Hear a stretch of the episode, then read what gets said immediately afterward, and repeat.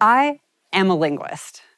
Linguists study language, and we do this in a lot of different ways. Some linguists study how we pronounce certain sounds. Others look at how we build sentences. And some study how language varies from place to place, just to name a few. But what I'm really interested in is what people think and believe about language and how these beliefs affect the way we use it. All of us have deeply held beliefs about language, such as the belief that some languages are more beautiful than others, or that some ways of using language are more correct. And as most linguists know, these beliefs are often less about language itself and more about what we believe about the social world around us. So, I'm a linguist, and I'm also a non binary person, which means I don't identify as a man or a woman. I also identify as a member of a broader transgender community. When I first started getting connected to other transgender people, it was like learning a whole new language. And the linguist part of me was really excited. There was a whole new way of talking about my relationship with myself and a new, clearer way to communicate that to other people. And then I started having conversations with my friends and family about what it meant for me to be trans and non binary, what those words meant to me specifically, and why I would use both of them. I also clarified the correct words they could use when referring to me. For some of them, this meant some very specific changes. For example, some of my friends who were used to talking about our friend group as ladies or girls switched to non gendered terms like friends or pals. And my parents can now tell people that their three kids are their son, their daughter, and their child. And all of them would have to switch the pronouns they used to refer to me. My correct pronouns are they and them, also known as the singular they. And these people love me. But many of them told me that some of these language changes were too hard, or too confusing, or too ungrammatical for them to pick up. These responses led me to the focus of my research. There are commonly held yet harmful and incorrect beliefs about language that, for the people who hold these beliefs, act as barriers to building and strengthening relationships with the transgender people in their families and communities, even if they want to do so. Today, I'm going to walk you through some of these beliefs in the hope that we can embrace creativity in our language and allow language to bring us closer together you might see your own beliefs reflected in these experiences in some way. But no matter what, I hope that I can share with you some linguistic insights that you can put into your back pocket and take with you out into the world. And I just want to be super clear this can be fun. Learning about language brings me joy, and I hope that it can bring you more joy too. So, do you remember how I said that for some of my friends and family, learning how to use the singular they was really hard. And they said it was too confusing or too ungrammatical for them to pick up. Well, this brings us to the first belief about language that people have grammar rules don't change.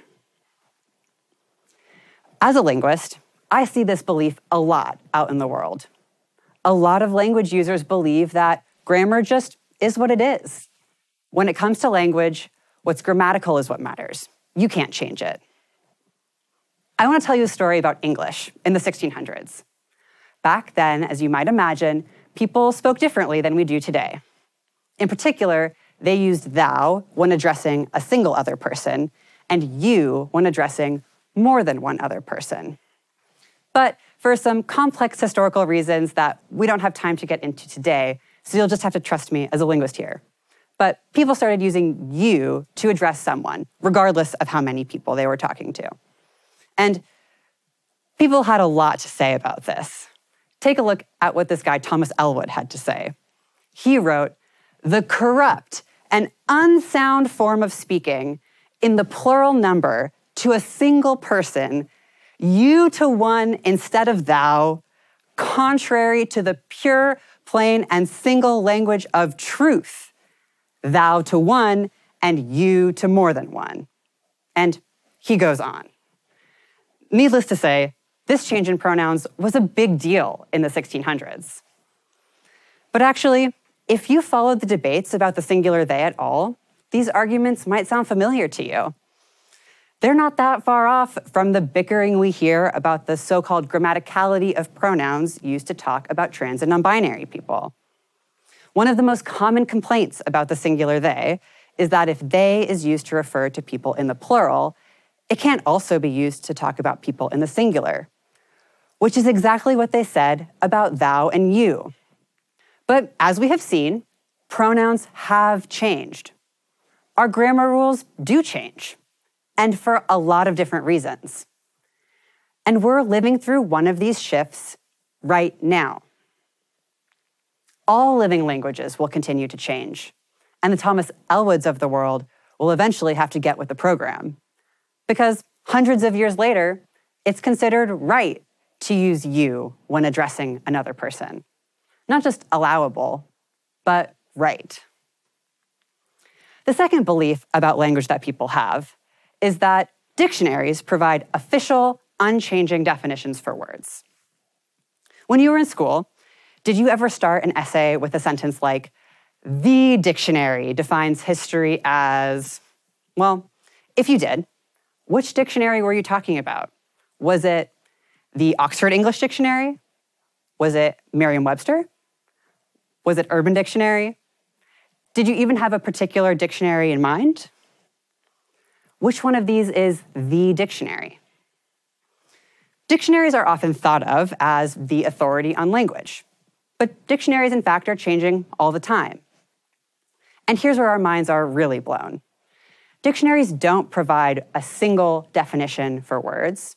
Dictionaries are living documents that track how some people are using language. Language doesn't originate in dictionaries. Language originates with people, and dictionaries are the documents that chronicle that language use. Here's one example. We currently use the word awful to talk about something that is bad or gross. But before the 19th century, awful meant just the opposite.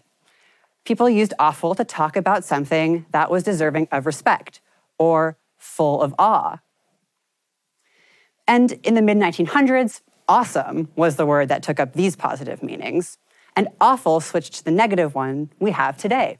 And dictionaries over time reflected that. This is just one example of how definitions and meanings have changed over time, and to keep up with it, how dictionaries are updated all the time. So, I hope you're starting to feel a little more comfortable with the idea of changing language. But of course, I'm not just talking about language in general. I'm talking about language as it is impactful for trans people. And pronouns are only one part of language, and they're only one part of language that's important for trans people. Also important are the identity terms that trans people use to talk about ourselves, such as trans man, trans woman, non binary, or genderqueer. And some of these words have been documented in dictionaries for decades now, and others are still being added year after year. And that's because dictionaries are working to keep up with us, the people who are using language creatively. So at this point, you might be thinking, but Archie, it seems like every trans person has a different word they want me to use for them. There are so many opportunities for me to mess up, or to look ignorant, or to hurt someone's feelings. What is something I can memorize and reliably employ when talking to the trans people in my life? Well, that brings us to the third belief of, about language that people have. You can't just make up words. Folks, people do this all the time. Here's one of my favorite examples. The official term for your mother's mother or your father's mother is grandmother. I recently pulled my friends and asked them what they call their grandmothers. We don't get frustrated if your friend's grandma goes by Mima and yours goes by Gigi. We just make rather short work of it, and memorize it, and move on, getting to know her. In fact, we might even celebrate her by gifting her with a sweatshirt or an embroidered pillow that celebrates the name she has chosen for herself. And just like your Nana and your grandma, trans people have every right to choose their own identifying language. The process of determining self identifying language is crucial for trans people.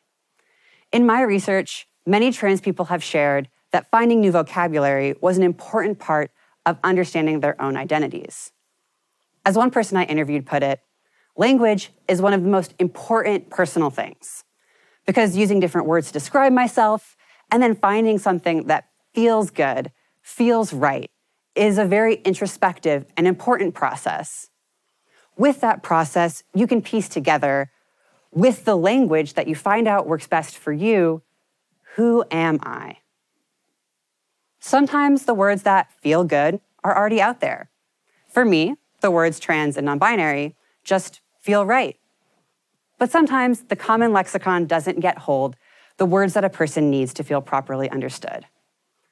And it's necessary and exciting to get to create and redefine words that better reflect our experience of gender. So, this is a very long answer, but yes, I'm absolutely going to give you a magic word, something really easy you can memorize. And I want you to think of this word as the biggest piece of advice I could give you if you don't know what words to use for the trans people in your life. Ask. I might be a linguist and a trans person and a linguist who works with trans people. But I'm no substitute for the actual trans people in your life when it comes to what words to use for them. And you're more likely to hurt someone's feelings by not asking or assuming than you are by asking. And the words that a person uses might change. So just commit to asking and learning. Language is a powerful tool for explaining and claiming our own identities and for building relationships that affirm and support us. But language is just that a tool. Language works for us, not the other way around. All of us, transgender and cisgender, can use language to understand ourselves and to respect those around us. We're not bound by what words have meant before, what order they might have come in, or what rules we have been taught. We can consider the beliefs that we might have had about how language works and recognize that language will continue to change. And we can creatively use language to build the identities and relationships that bring us joy. And that's not just allowable, it's right. Believe me.